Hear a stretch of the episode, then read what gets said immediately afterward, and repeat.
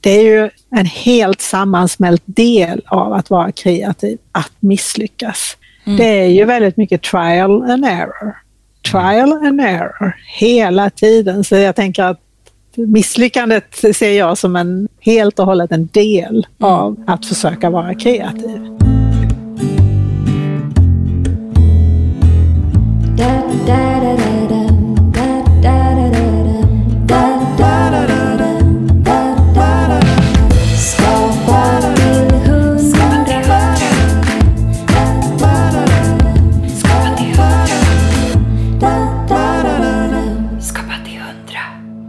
Idag har vi kreativitetsforskaren Eva Hoff på tråden. Vi pratar om de gemensamma nämnarna för världens mest kreativa personer. Men också om hur barnuppfostran och trädgårdspyssel kan vara högst kreativt.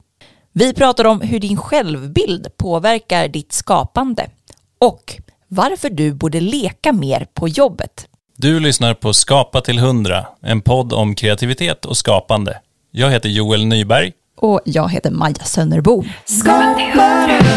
Skapa till hundra. Skapa till hundra. Hallå Eva! Trevligt att råkas. Detsamma. Har du fått någon kaffe eller något? Vi brukar ju bjuda våra gäster på kaffe. Men... Ja, kan ni skicka över lite där på något sätt? Kan Precis, man... vi får mejla över en kopp. Men du sitter helt enkelt nu på ditt kontor i, på universitetet eller var befinner ja, du dig? Ja, det gör jag. Jag sitter vid Lunds universitet. Ja, vad fint att vi fick till den här tiden till slut. Ja, precis. Vi har jagat dig ett år här. Är det så? Sveriges eftertraktade forskare, de får man jaga lite efter. Eh, precis, jag hoppas det är värt det nu då.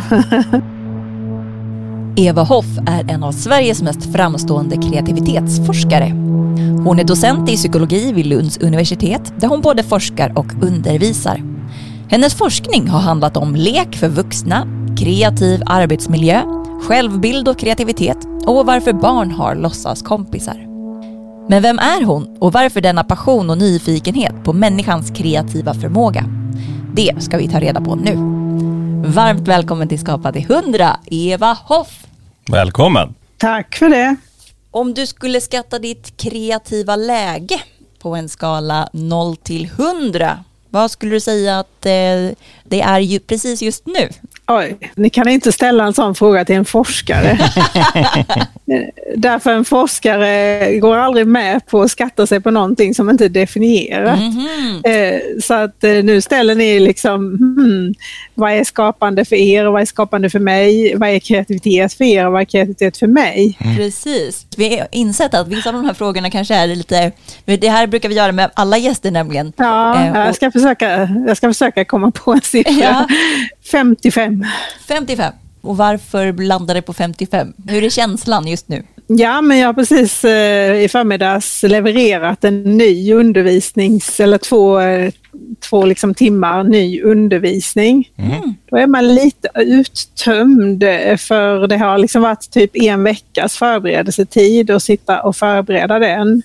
Eh, så det har varit mycket skapande, inte kanske som ni definierar skapande, men som jag som är forskare och lärare definierar kreativitet och att mm. även skapa undervisningspass är en kreativ process. Så ja, jag har precis gud, gått ja. igenom en ganska till och med kanske lite utmattande, uttröttande eh, skapande process. Jag håller på att återhämta mig och, och få ny energi till, till nya kreativa eh, projekt, kanske helgprojekten då i trädgården eller vad det kan handla om. Så jag, är liksom, jag är inte på topp för jag är kanske ungefär i mitten. Det är ju, tänker jag, definitivt det eh, inom vår uppfattning om vad kreativt är. Det känns ju superkreativt att skapa. Men är det lektionspass du har skapat eller vad är det för undervisningsmaterial? Ja, men det är liksom, eh, idag var det uppvärmning då med en föreläsning och då ska jag inspirera studenterna och det handlar om en speciell metod, det som kallas för kvalitativ metod, alltså intervjumetoder, mm. som många inte kan så mycket om. Så jag ska försöka väcka deras eh, engagemang och intresse intresse, de här studenterna, mm. för den här metoden. Så jag har återberättat mycket av det jag har gjort under mina 20 år som forskare. Eh, lite spontant och, och försökt att vara lite eh, inspirerande då. Och sen är det då också förbereda dem för hela nästa veckas arbete när de ska göra en egen sån här liten minidatainsamling och, och försöka använda den här metoden. Så att det var väldigt mycket som behövde bli klart och tydligt, strukturerat men samtidigt inte bara torrt och tråkigt som, som lätt metodlektioner blir. Du nämnde intervjuteknik, så du kommer att ge oss en poäng sen, hur bra vi är på att intervjua. Precis, ni blir utvärderade från eh, noll till hundra. Skapa till hundra.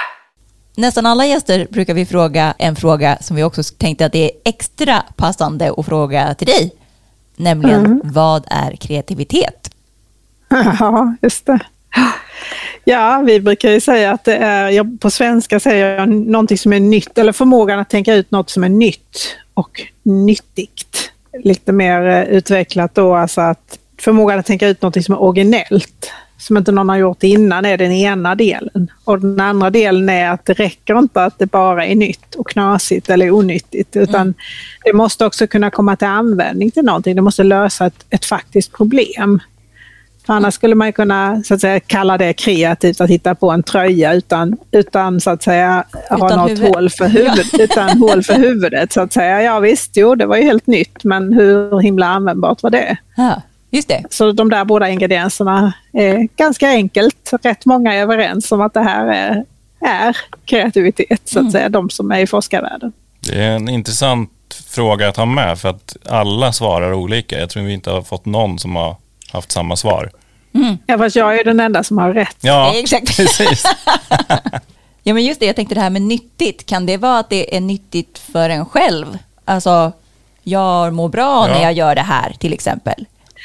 Ja, men i konst, konstens värld så är ju nyttigt lite annorlunda än i uppfinningarnas värld. Mm. I uppfinningarnas värld kanske man tycker nyttigt är att det går att sälja och att det faktiskt börjar det. tillverkas eller något sånt där. Men i konstnärens värld så kanske nyttigt bara handlar om att det är meningsfullt eller att det Mm. skapar mening för mig- själv eller för andra. Mm.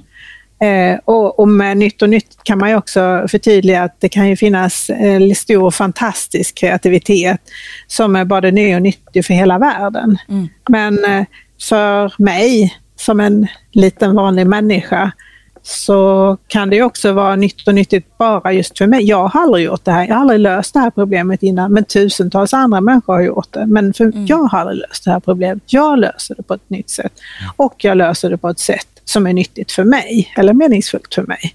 Eh, så, så det finns ju lilla kreativitet och stora kreativitet så att säga. Ja, jo, men det läste vi om. Det tycker jag var väldigt så här, ögonöppnande. Alltså för att det är lätt att tänka bara på den stora kreativiteten, det vill säga att det är Nobelpristagarna och folk som har gjort helt revolutionerande upptäckter.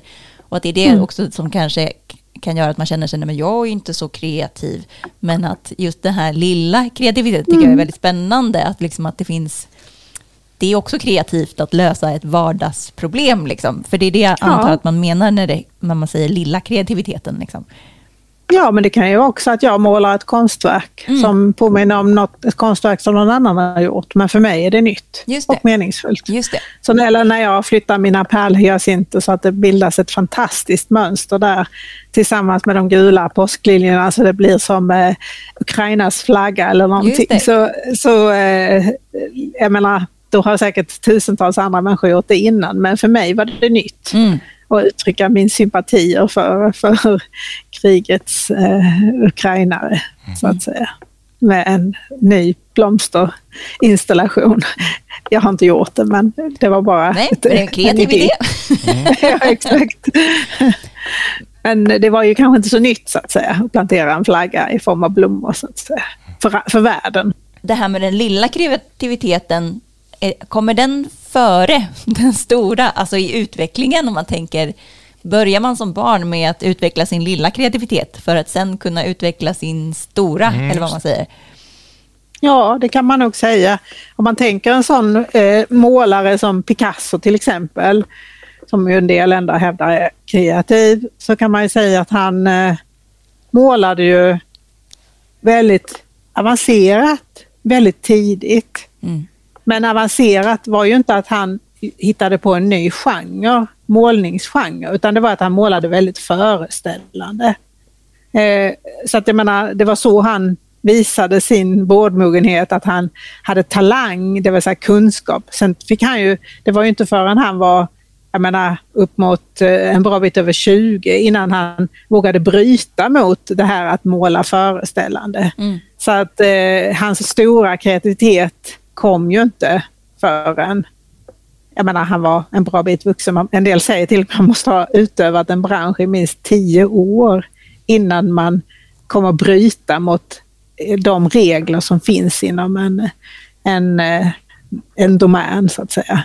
Just det. Så att, det ser man ju till exempel The Beatles, de, de spelade deras låtar, brukar man prata om att de blev inte kreativa förrän de hade varit igång och hållit på och jobba musikaliskt förrän efter tio år, mm. så att mm. säga.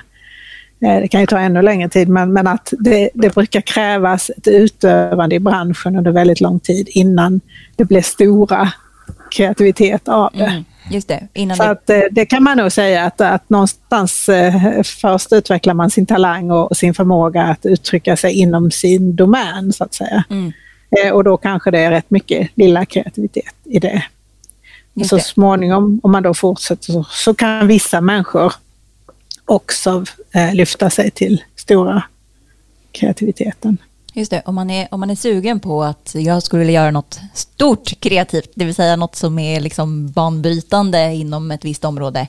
Vad, mm. vad är det som krävs där? För har, har forskningen hittat något där? Som... Det finns en forskare som heter Csikszentmihalyi, han den där mannen bakom flow, mm, begreppet mm. flow. Mm. Han har också skrivit en bok om kreativitet. Han har intervjuat ungefär hundra människor som, som massa olika människor, andra människor har sagt att de här är de mest kreativa mm. inom mitt område.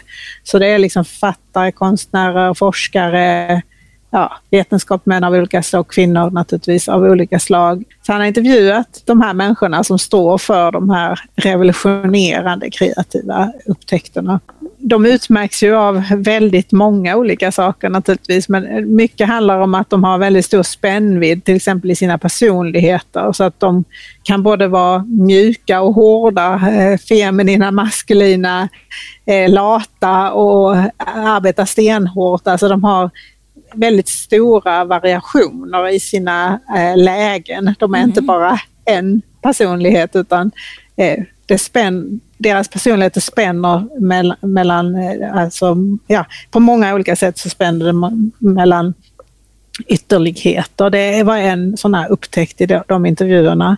En annan sak var väl att många av dem var ju också exceptionellt begåvade i den domänen väldigt tidigt. Och en hel del av dem hade också nästan lidit lite av att vara så begåvade, för oftast är man väldigt, väldigt begåvad så betraktas man inte som riktigt normal av andra människor heller. Så att till viss del hade de varit lite brådmogna och kanske lite ensamma så att säga bland sina jämnåriga för att när andra skulle ut och festa så skulle de sitta och ja, räkna matematiska ekvationer eller, eller måla bilder som ingen annan kan i den åldern så att säga. Så, att, så lite exceptionella talangmässigt. Sen, men i övrigt så menar man att de kom från alla typer av bakgrund och de kunde vara, komma från väldigt fattiga miljöer eller väldigt rika miljöer och sådär. Men det fanns, fanns människor från alla miljöer som kunde hamna och bli en sån här mm. stora kreativitetskvinna eller man. Då, så att säga. Och att man har ägnat sig massa timmar åt det. Är det de här 10 000 mm. timmarna brukar man ju ta, prata om också. Ja, ja visst, de tio åren så att mm. säga har varit helt galet fokuserad på att bli bättre inom det här området i minst tio år. Det är väl han, eh, är det Edison, som säger det här med att eh, kreativitet är 1 procent inspiration och 99 procent perspiration, alltså svett. Skapa till hundra. Du nämnde trädgård och så. Är du intresserad, alltså om vi tar dig privat, hur kreativ är du privat? Det är väldigt mycket man gör, eller skulle vilja säga i princip allt man gör, som jag kan påstå att skulle kunna vara kreativt. Mm. Mm. För mig är ju inte alls kreativitet bara någonting skapande, så att säga skapande, alltså konstnärligt skapande. Mm. Mm. Så det kan ju vara liksom att, att plantera om eh, pärlhyacinter eh, på ett nytt sätt i trädgården som skulle kunna vara kreativt. Eller, men det skulle också kunna vara inte kreativt att vara i trädgården för det skulle också kunna vara återhämtande, bara gå och rensa ogräs i trädgården. Det är ju inte ett dugg kreativt. Vad är skillnaden då på att om man har kreativt trädgårdsarbete och om man har återhämtande trädgårdsarbete? Så jag tänker liksom det monotona, det som måste göras, som det är klippa gräset, alltså det kan vara ganska avkopplande att bara gå och klippa mm. gräset. Det kräver ingenting av en, man vet precis vad man ska göra. Det är bara nästan som lite mindfulness, mm. återhämtande. Mm. Medan däremot när man eh, liksom eh, skissar upp, ja men nu ska vi bygga en ny pergola och där ska det finnas möbler och då måste vi designa själva eftersom vi måste ha en halvrund pergola och då måste mm. möblerna bli halvrunda också, då måste vi bygga dem. Ja. Så, så, när man eh, skissar upp och ritar upp det och genomför det mm. så, så blir, kan ju trädgårdsarbetet bli väldigt mycket en kreativ process. Så jag skulle säga, men sen samtidigt även att fostra barn, om, om man nu mm. Tänker hur jag är kreativ hemma, även att, eller nu är mina barn tonåringar, men även att eh, få ihop vardagspusslet på olika sätt skulle ju kunna innebära en hel del kreativitet också.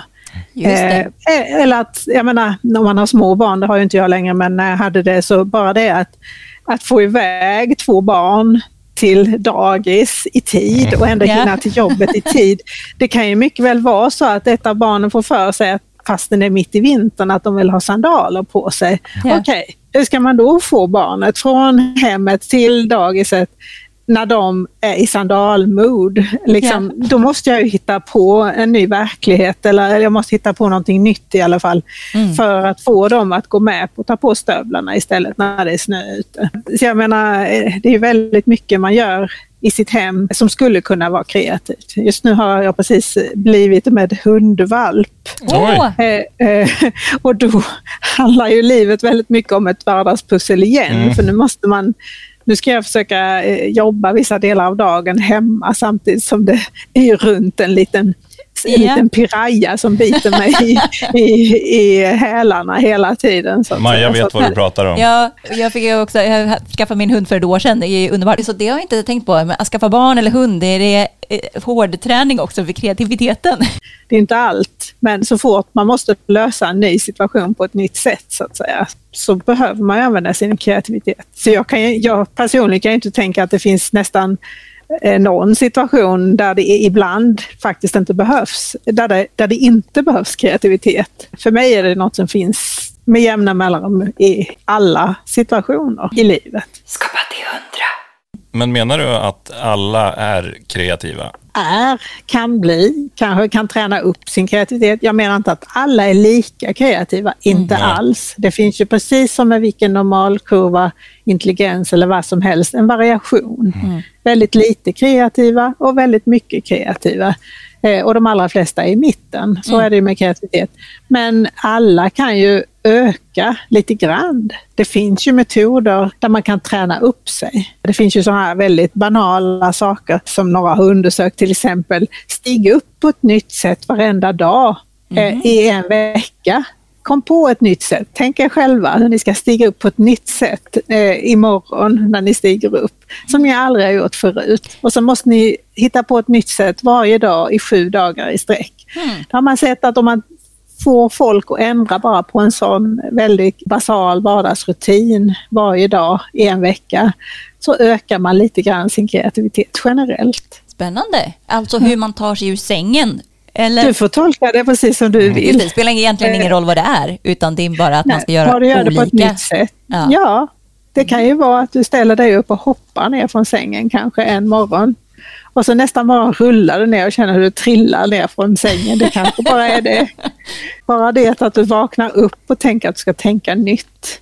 Just kommer det. göra att du är mer Även om, för då har man ju sedan testat det med kreativitetstest och sett att, att före en sån övning så är man mindre kreativ än efter en sån övning. Vad spännande. Vi hade ju Mark Levengood här. Ja. Som sa att han blir inspirerad av att ta nya vägar till jobbet varje gång. Ja, ja men det är exakt samma ja. sak. Ja.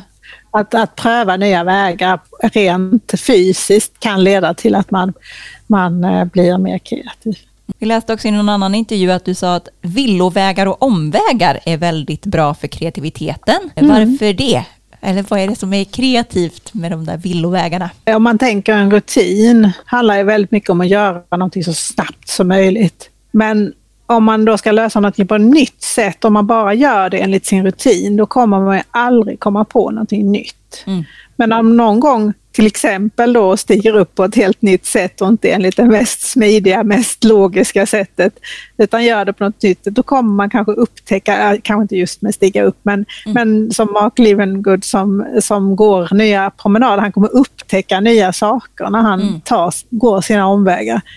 Eh, Det här, och det kommer också från, eh, från en amerikansk eh, kreativitetsforskare som heter Teresa Amabile.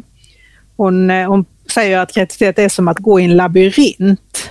Eh, och i labyrinter kan man ju gå vilse ibland. Och det är då kreativiteten på något sätt uppstår, när man förirrar sig kanske in på något ställe som inte leder till att man kommer till det där, den där änden av labyrinten, utan man kanske kommer in någonstans och där upptäcker man saker och ting som man inte har sett förut och så plötsligt så, hmm, hur kan de här sakerna kombineras med det jag egentligen håller på, om det är ett problem jag löser eller en tavla jag ska göra eller vad det är.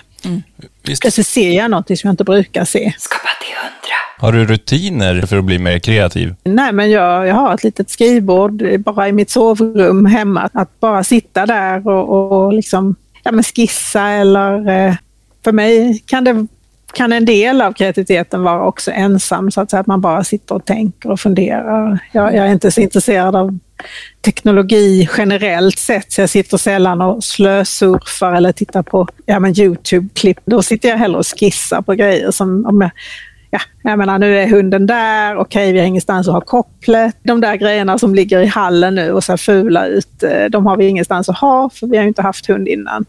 Okej, då måste jag ju bygga om hallen på något sätt. Då blir det ett problem där och då, ja, då börjar startaren säga, ja, vad skulle man kunna ha? Börjar man kanske skissa hur man skulle vilja ha det och sen så kanske man då letar, finns det redan eller måste jag bygga det så att säga för att lösa problemet med kopplet och eh, påsarna. Just när man skissar rent fysiskt tycker jag att det är väldigt skönt. Det är, det är både så det taktila som känns väldigt intuitivt på något sätt, att det är, det är enklare att ta något från tanken, liksom något abstrakt ner och konkretisera det, upplever jag, när man gör det så här fysiskt på papper. Och så slipper man ju också de här distraktionerna, att det kan komma andra flikar och man kan klicka på massa grejer och sådär, utan att det blir, det är som enklare ibland tycker jag att tänka på just vanligt papper liksom. Mm. Ja, jag gör det väldigt mycket. Jag sitter alltid och skissar. Eh, allt möjligt sitter jag och skissar upp. Jag är ganska dålig på det. Jag, jag byggde en veranda förra sommaren. Och då, pappa hjälpte mig lite med så här, hur, hur gör man, men jag ville by- göra allt själv.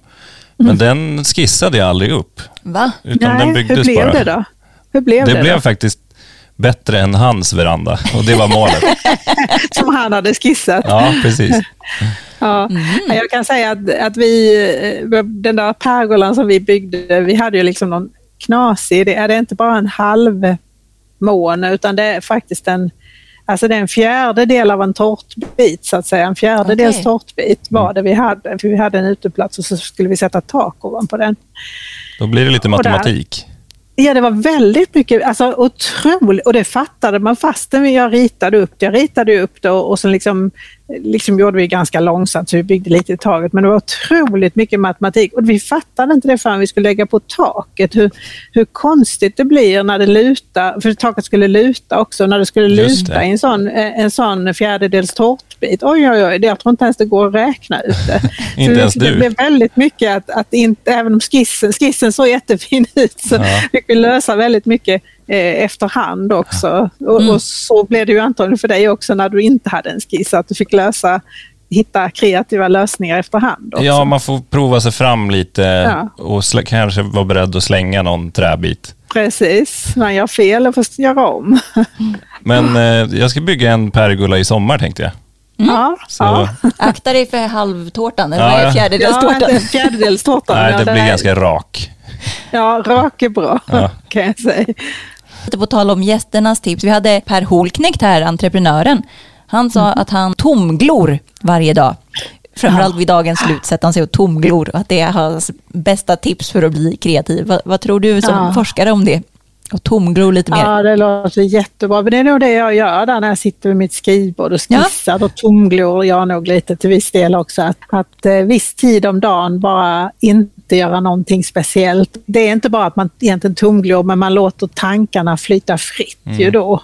Mm. Om man inte varken sitter och tittar på en skärm eller, eller egentligen har en uppgift att man måste lösa någonting. Man bara låter hjärnan få sprattla och leka lite liksom helt fritt utan ett fast mål. Jag behöver massa sån tid. Skapa till hundra. Spelar det någon roll vad man har för självbild? Alltså om man själv ser sig som kreativ eller inte, spelar det roll kring vad som kommer ut? Jo, men det gör det ju säkert. Alltså, det finns ju forskning på det också, men jag menar det är klart att jag som då tror mig själv kunna till exempel bygga en pergola. Eh, jag kan ju sätta igång, eller tillsammans med min man då, så att säga. Mm. Vi kan sätta igång ett sådant projekt för vi vet båda att vi kan genomföra det. Yeah. Men, och, och, även om det är en jättekonstig form så, så tänker vi att ja, det löser vi, vi kommer lösa det. Mm. Men har man den bilden, jag har tummen mitt i handen eller vad det nu, vilket område det nu handlar om, så, eller jag är inte bra på att måla om det handlar om att måla en tavla eller inte bra på att skriva om det handlar om att skriva en bok eller någonting sånt där. Har man den föreställningen att man inte är bra på det mm. eller kan det eller kan vara kreativ inom det här området. Mm. Det är klart att man inte ens sätter igång med ett projekt. Eh, jag är sån här som har vuxit upp i en familj där man i princip alltid gjorde allting själva. Yeah. Så det där med att klä om en, en soffa, liksom, ja ja, man tar av tyget och så sätter man på ett annat tyg. Det är väl ingenting med det. Men de allra flesta människor skulle liksom inte ens komma på tanken tanken att när soffan, när tyget är uppslitet, att man själv, mm. de flesta tänker att ah, jag kör det till tippen och köper en ny.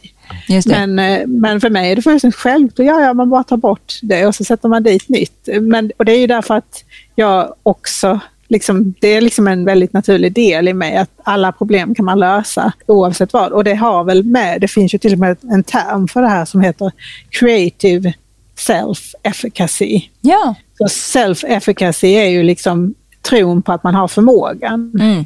Eh, och det finns ju, det kan ju vara inom matematisk self-efficacy eller fotbolls self-efficacy eller kreativ self-efficacy. Så självtillit kan man kalla det. Matte är väl väldigt vanligt bland barn, att man blir dömd väldigt snabbt på om man är bra på matte eller inte. Och sen definierat så tror man det hela livet sen. Absolut. Och det kan ju ja, gälla allting. Ja men absolut, det påverkar mm. vad man har för tro, vad man har för tillit till sin förmåga mm. så att mm. säga. Och det har gjorts en del forskning kring det här creative self-efficacy. Jag fick precis en, en artikel nu som de ville jag skulle reviewa. Vi, vi får ju liksom ställa upp då som forskare gratis och, och läsa andra forskares artiklar och säga om man tycker de duger. Just det, då godkänner du dem på Ja, om jag ska, ja, precis. Nu har jag fått en sån artikel och den handlade faktiskt om att man kunde öka creative self-efficacy genom att få någon på gott humör. Mm -hmm. Så då får en del se typ en film eh, som gör dem på dåligt humör och en del som gör dem mer aggressiva och, och några får se en film som, som är någon slags feelgood eh, mm. känsla i och så, så lyckas de då öka creative self-efficacy med det funkar alltså? positivt humör.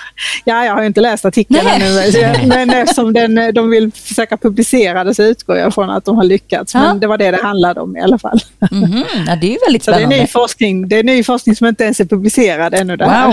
Skapa till hundra. När kom kreativiteten in i ditt liv? Alltså jag var väldigt, väldigt blygt barn som liten, så att jag har aldrig varit en sån här som har velat liksom visa upp eller eh, stå på scen. Och den blygheten har man ju alltid med sig hela livet. Sen lär man sig hantera den mm. så att säga som vuxen eller som, som tonåring. Då. Kanske egentligen inte förrän som vuxen som jag lärde mig hantera blyghet. Och det kan ju hämma en lite när det gäller att prata om att man har gjort någonting eller att benämna sin kreativitet. Men mm. som, även som liten så, så var jag intresserad av att skapa miljö och sådär. Så redan då byggde jag möbler, men då byggde jag det till min Barbie eller till mina eh, dockor och sådär. Så att jag, har, jag byggde en hel del typ vad säger ni om en fåtölj av ett messmörspaket? Mm. Förstår ni hur bra det är? Eller jättefin lutning där och sen mm. klistrar man bara på en liten masonitskiva till ryggen där så blir det en perfekt fåtölj.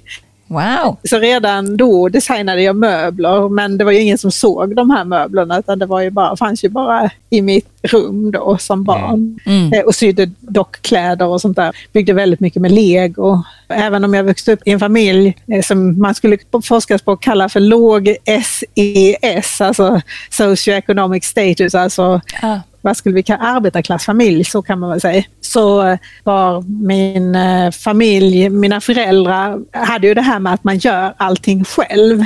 Behöver man ett par skor så gör man ett par skor. Behöver man ett par byxor så syr man ett par byxor. Mm. När eh, fåtöljen är söndersliten så klär man om den. Det är ju inte bara att man har det med sig utan det är också där man växer upp. Om man har den här inställningen att ett problem kan alltid lösas genom att man gör det själv. Att växa upp i en familj där man har den inställningen har ju gjort att jag har inga begränsningar om vilket område jag kan ge mig in i. Nej. De flesta av mina kollegor som är forskare kanske bara är kreativa inom forskarbranschen och kanske något, om de är väldigt duktiga på att teckna, så tecknar de så att säga. Mm.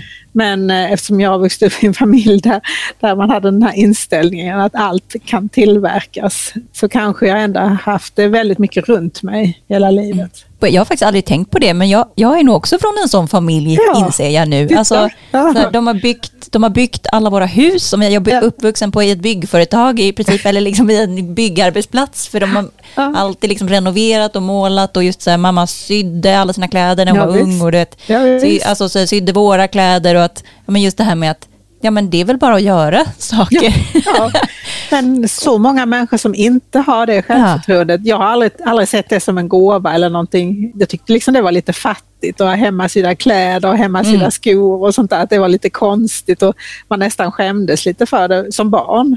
Men, Mm. eh, men sen har jag tänkt när jag hör andra som säger, ja men varför klär du inte om din trasiga soffa? Och då klär om en trasig soffa. Det måste man ju Ja. lämna in till en tapetserare. Det kan man ju inte göra själv. Nej, den får vi slänga och köpa en ny. Alltså, nej, Mm. Så plötsligt så förstår jag, okej, det finns ett hinder här hos ganska, idag kanske ännu fler människor än när jag växte upp. Då var det ändå rätt många som var hemmafixare så att säga. Men idag tror jag att det där att, att bara våga göra saker, Mm. att, det, att vi är ganska hämmade. Ja men exakt, jag tänker idag har ju människor det bättre ställt. Tänker, Ja. alltså, varje generation har ju fått det bättre ekonomiskt och då är det enkelt att åka till Ikea och köpa en ny soffa. Ja. Att man kanske inte behöver lappa och laga. Men, och på ett Nej. sätt det kanske också faktiskt påverkar hur man, hur man ser sig själv som kreativ i det vardagliga. Liksom att lära sig att vå, våga försöka lösa problemen själv. För det är Ja. det det handlar om. Ja. Eh, Sen nu med, med klimatkrisen liksom, krisen så kan man ju säga att vi måste ju tillbaka till det och våga lösa problem själva. Vi behöver ju inte en enda möbel till. Vi behöver inte köpa en ny möbel eller nytt klädesplagg till. Vi har ju ett enormt överflöd av grejer som finns på second hand-marknaden. I princip så behöver ingen svensk varken nya möbler eller, eller nya kläder. För vi skulle kunna se om och göra om det som finns. Men dina föräldrars roll i din kreativitet, du vågade aldrig visa upp de här små möblerna du byggde eller? Precis, såg de de- dina små möbler och kläder och Alltså de var ju inte de imponerade av det, för de, eh, kom, alltså, för dem var det ju självklart, man gör allt man behöver och jag gjorde allt Ja. man behöver. För dem var det ju inte någonting, vadå visa upp, liksom, de gjorde det de behövde, Mm. jag gjorde det jag behövde. Liksom, jag tänker att, eh, och det är ju lite intressant det där, för man tänker att om man uppmuntrar barn så gör de mer av någonting. Men Mm. ibland kanske bara det Alltså ibland behöver inte oh vad duktig du är, alltså ibland kan ju det också hämma. Att man måste göra någonting som andra tycker är bra. Jag menar jag bara gjorde det man skulle göra så att säga. Det var ju Mm. inget, och ingen sa något varken positivt. Det var ingen som sa, oh varför gör du så tramsiga möbler? Eller det var ingen som sa något negativt, men det var ingen som sa något positivt. Ja, det var liksom bara ett sätt att vara ju. Det känns som du inte har så mycket bekräftelsebehov. Nej, men det, det kanske kommer av att jag inte fick så mycket bekräftelse. Ja. behöv, alltså det, det är ju lusten. Alltså, oftast pratar man om den här lusten utifrån lusten och inifrån lusten. Att när jag tänker på de där möblerna, mersmörspaketsmöblerna till exempel. Jag var ju stolt över det själv, för mig Mm. själv. Och det var ingenting jag gjorde för någon annan eller för att någon skulle se mig. Utan det var ju något som jag gjorde. Eh, Och sen var jag stolt över att jag hade lyckats göra det. Så att, eh, det är väl det som är inre motivation helt enkelt. Man behöver inte bli erkänd av någon annan. Man pratar ju rätt mycket om kreativiteten och relationen till just den här inre tillfredsställelsen. Ja, men just det. Och att det kanske, alltså vissa forskare har till och med visat att det, man producerar högre kvalitet om man gör det för sig själv än om man gör det för att typ få ett pris eller, eller vara mm. bäst eller någonting sådär.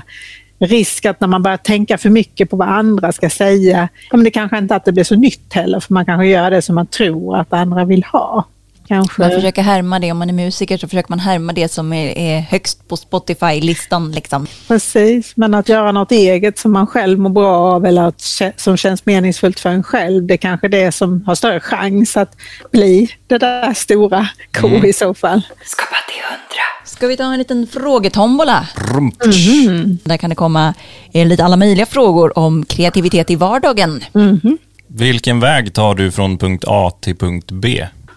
Omvägen. Ja, du gör det? Omvägen, mm. mm.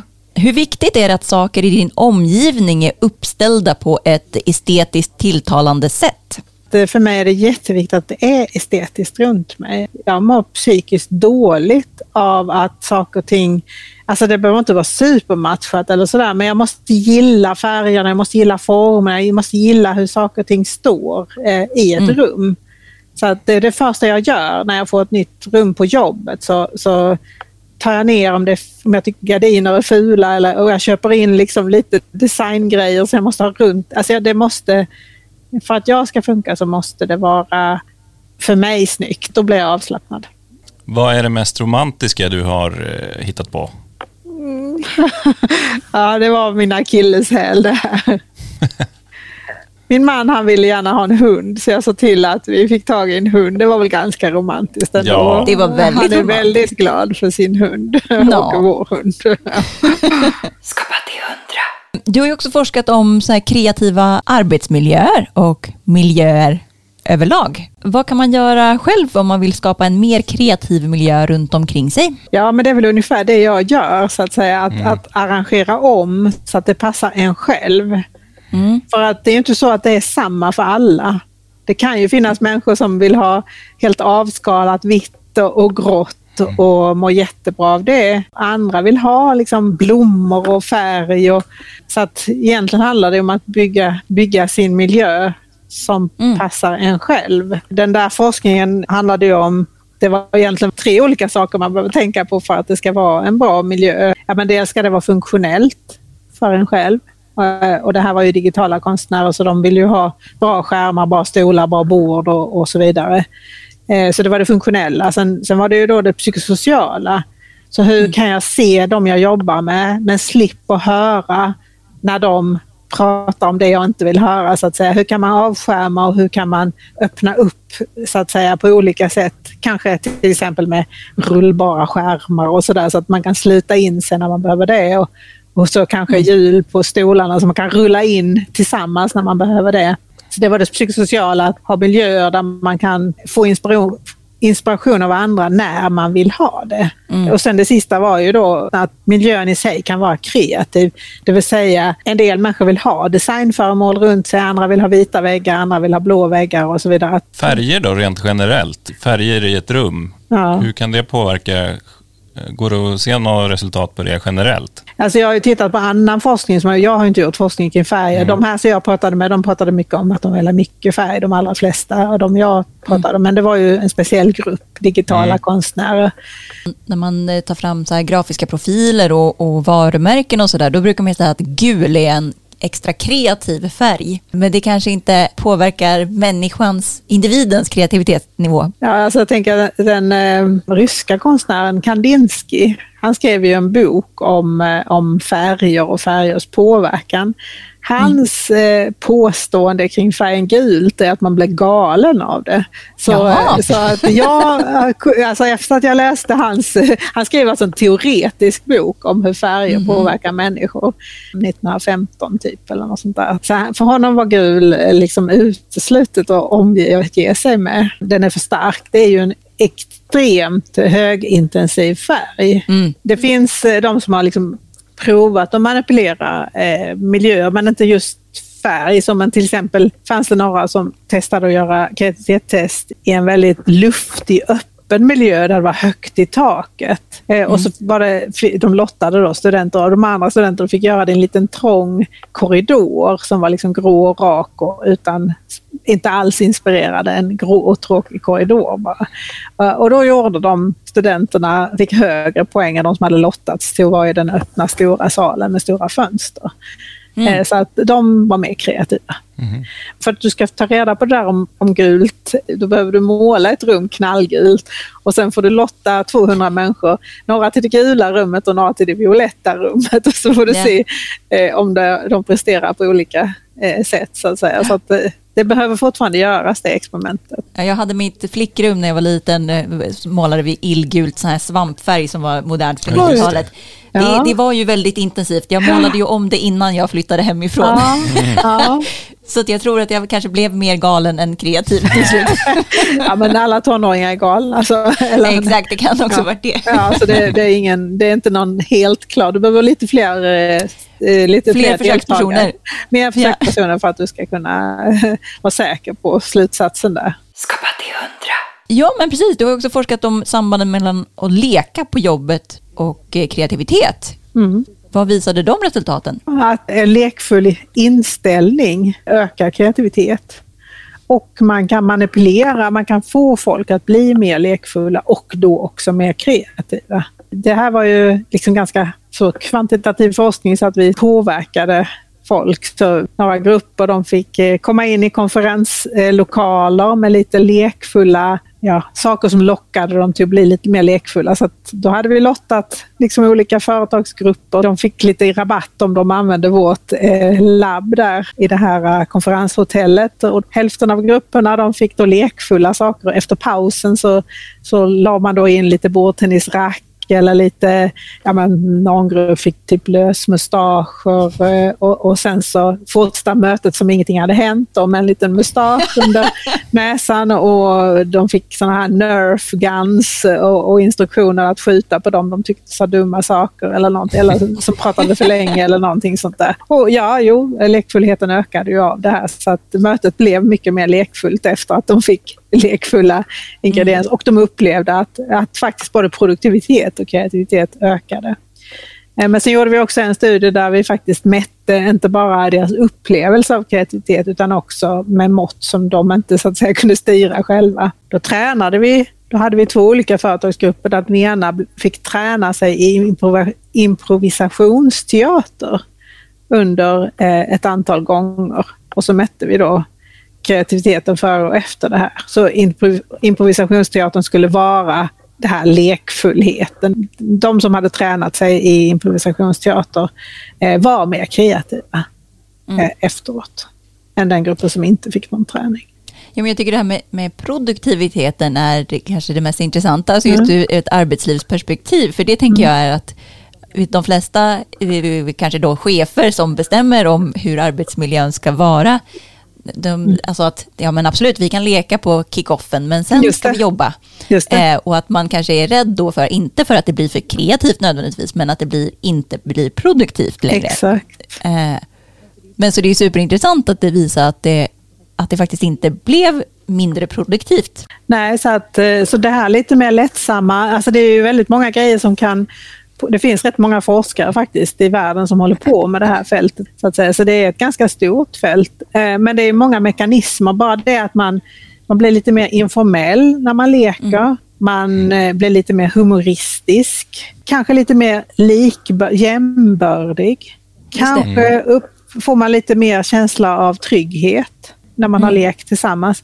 Så det är många saker, ingredienser som man kan tänka som mekanismer som gör att det blir både produktivt och kreativt av en större lekfullhet. Ja, exakt. Ja, det här med relationerna tänker jag är definitivt en sak som kan göra det mer produktivt i längden. Att Exakt. när vi har liksom en bra relation, då kan vi också överkomma olika typer av störmoment och, och problem som uppkommer liksom i, i jobbet. Ja visst, eh, har man eh, lyckats leka tillsammans så, så kanske man är beredd att förhandla på ett liksom, lite mer öppet sätt och, och kanske att man inte lägger jättemycket prestige i att jag är högre utbildad eller jag är mer chef än vad du är. Eller jag är, alltså att man kanske lägger bort prestigen lite grann om man är, ibland leker tillsammans. Det var egentligen den här Samuel West eh, kom fram till var ju också att det är inte bara det att man leker lek utan att man har ett lekfullt i sin vardag. Han hade ju några roliga exempel, till exempel flygvärdinnan som rappade de här äh, säkerhetsinstruktionerna. Alltså det är ju att göra en del av sitt jobb på ett lekfullt sätt. Ja. Jag menar, det, händer, det är ingen som hör vad, vad de... Normalt sett är det ingen som hör vad de säger, de där som Nej, har de där säkerhetsinstruktionerna. Men när, när en flygvärdinna rappade det så var det nog för alla som lyssnade plötsligt. Så det blev ju mer, eh, mer användbart också och på ett Mm. Nytt och kreativt sätt. Skapa till hundra. Finns det något tillfälle när det har gått åt skogen helt? Ja, då. massor av gånger går det helt åt skogen. När man är lite kreativ så ibland så gör man, är man lite för djärv. Så ibland faller det ju också så att säga. Så, att det är ju, så är det med alla möjliga. Det har hänt med lektionsupplägg som har fallit helt platt eller man har provat saker som inte alls har funkat och så vidare. Så att det är ju en helt sammansmält del av att vara kreativ, att misslyckas. Det är ju väldigt mycket trial and error. Trial and error hela tiden. Så jag tänker att misslyckandet ser jag som en helt och hållet en del av att försöka vara kreativ. Hur hänger prestationskrav ihop med kreativitet? Ja, men det kan nog vara lite negativt. Eh, inte för alla. Den som har väldigt hög self-efficacy kan nog eh, liksom härbärgera prestation. Så om man har väldigt hög tro på att man kan prestera bra så kanske det inte är så farligt. Men det är nog väldigt mycket bättre att tänka, ja, ja, men den här gången kanske jag misslyckas och att det är helt okej. än att tänka att jag måste leverera varje gång. Det finns ju beskrivningar av, av Nobelpristagare i litteratur till exempel, att en del av dem har svårt har haft svårt att prestera någonting efter att de fått Nobelpriset. För när man har fått Nobelpriset har man fått reda på att man är bäst i världen på att skriva. Okej, vad gör man efter det? Ännu mer bäst i världen? Nej, det går ju inte. Ja. Så att, eh, sen kan det ju också bero på att de som får Nobelpriset är ganska gamla också. Så att, eh, Det behöver ju inte bara vara prestationsångest. Men det har ju beskrivits i intervjuer att den typen av väldigt prestigefulla priser ibland också kan ha en sån här klart hämmande effekt. Kanske på grund av prestationsångest. Hur är det för dig då? Jag har ju min bakgrund, jag kommer liksom från en arbetarklassfamilj. Ingen har någonsin haft krav på mig att jag Nej, ska bli bright eller duktig eller vara smart eller någonting sånt där. Så jag brukar liksom ändå kunna klappa mig själv på axeln. Ja men du lilla flicka eh, från en arbetarklassfamilj med föräldrar som har typ gått sju år i skolan.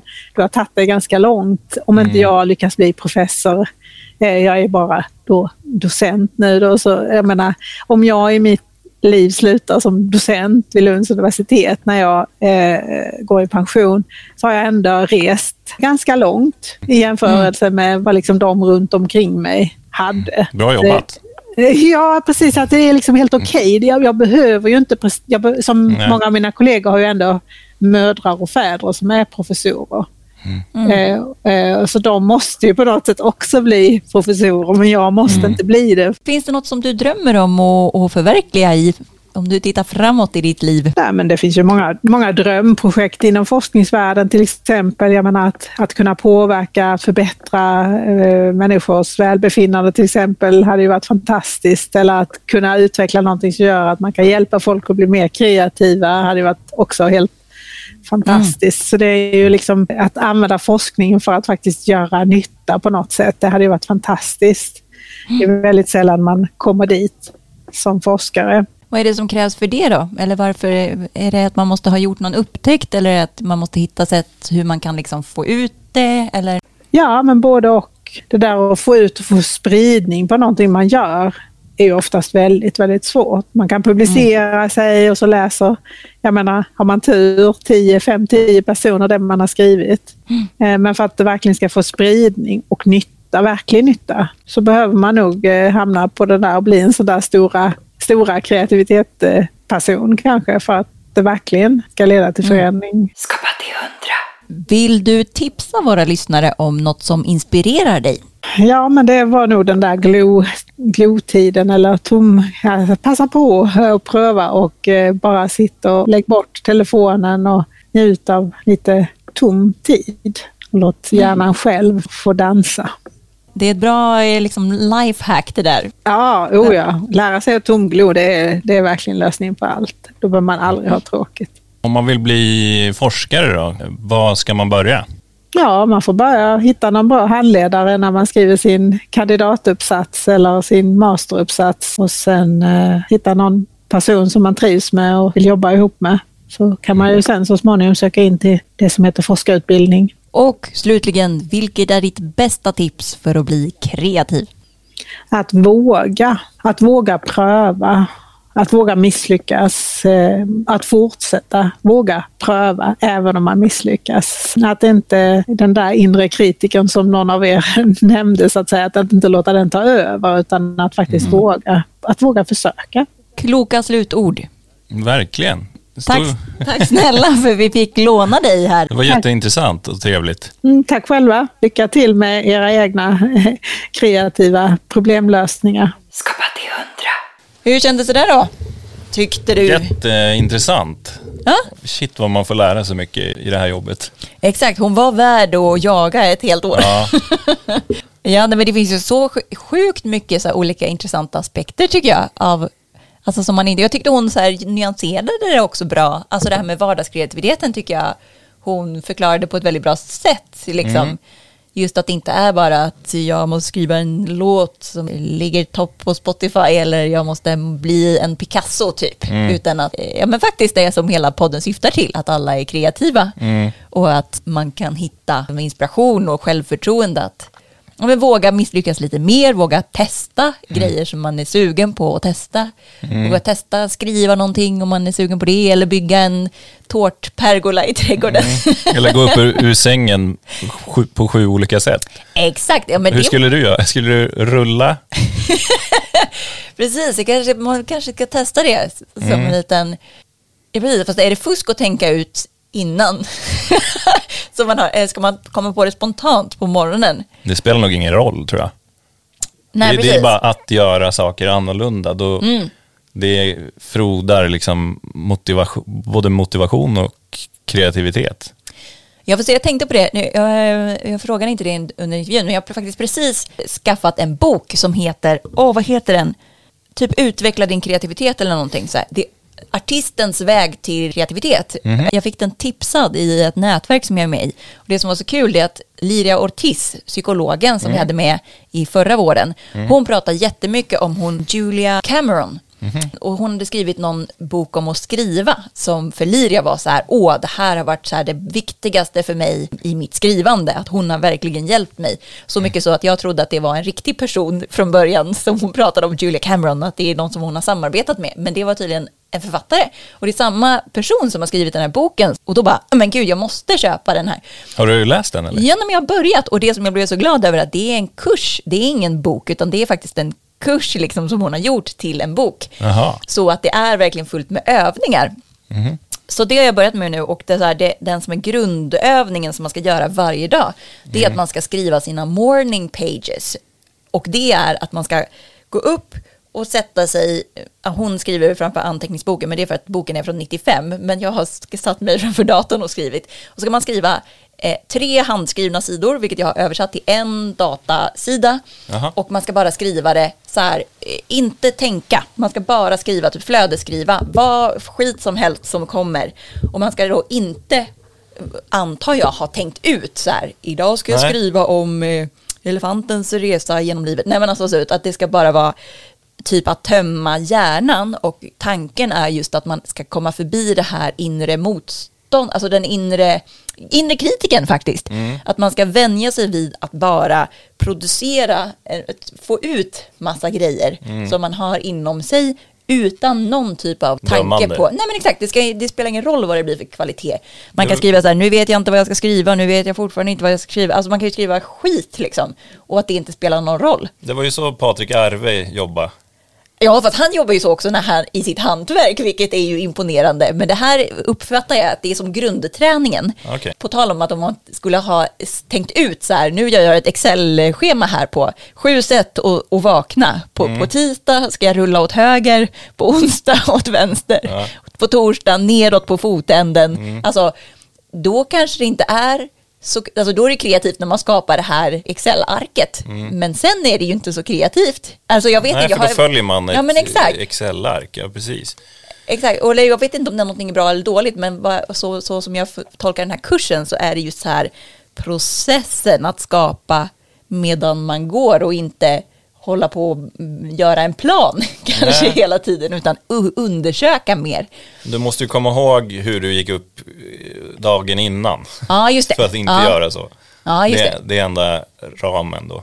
Sen får du skutta Exakt. upp en dag, Eller så när man, smyga en dag. precis, när man har rullat ner åt höger så kommer man på, fan, jag gjorde ju det här igår. Ja. Då får man fortsätta rulla liksom. Ja, så det det. blir en annan. Ja. Ska vi prova det till nästa gång?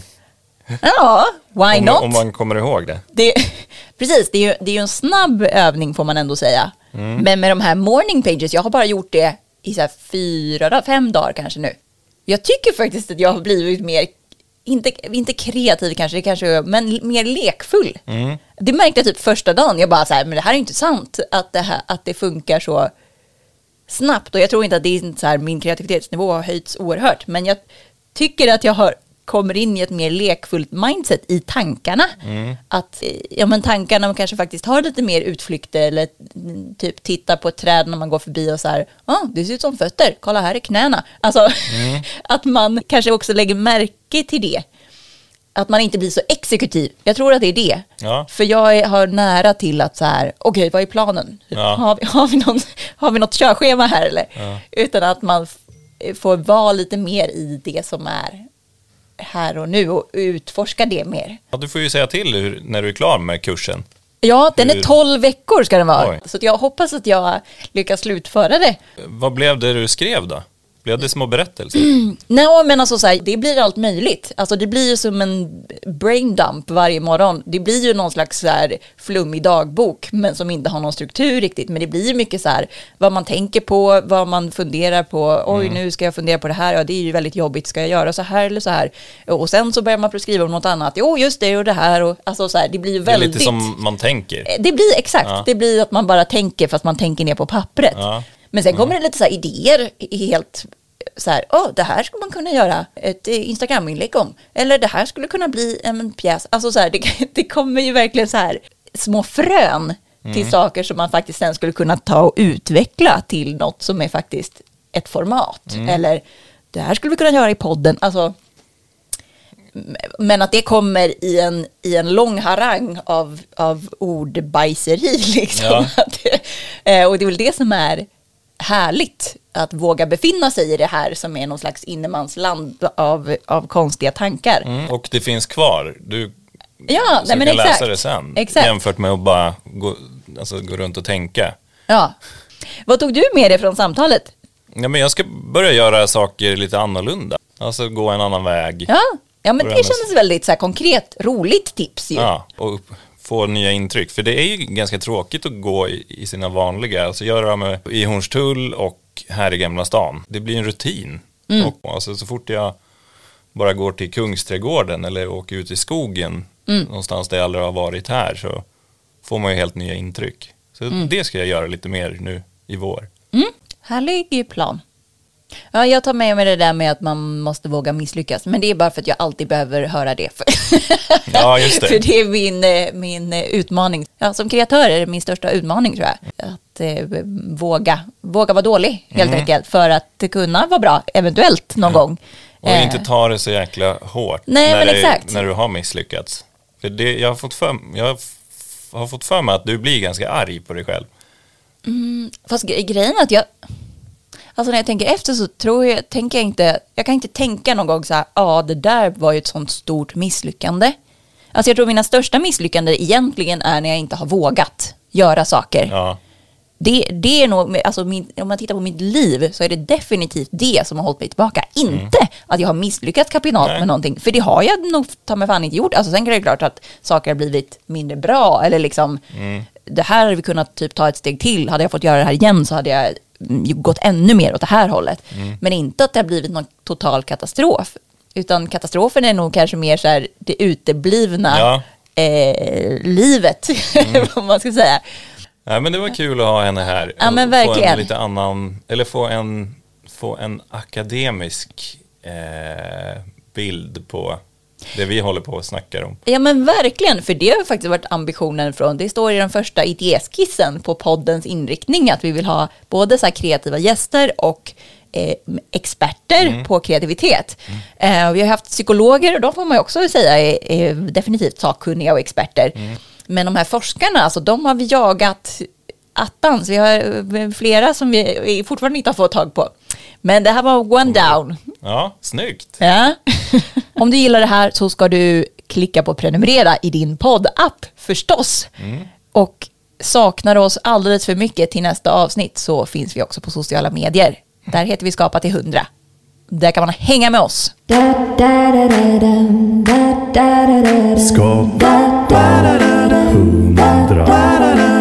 Skapa till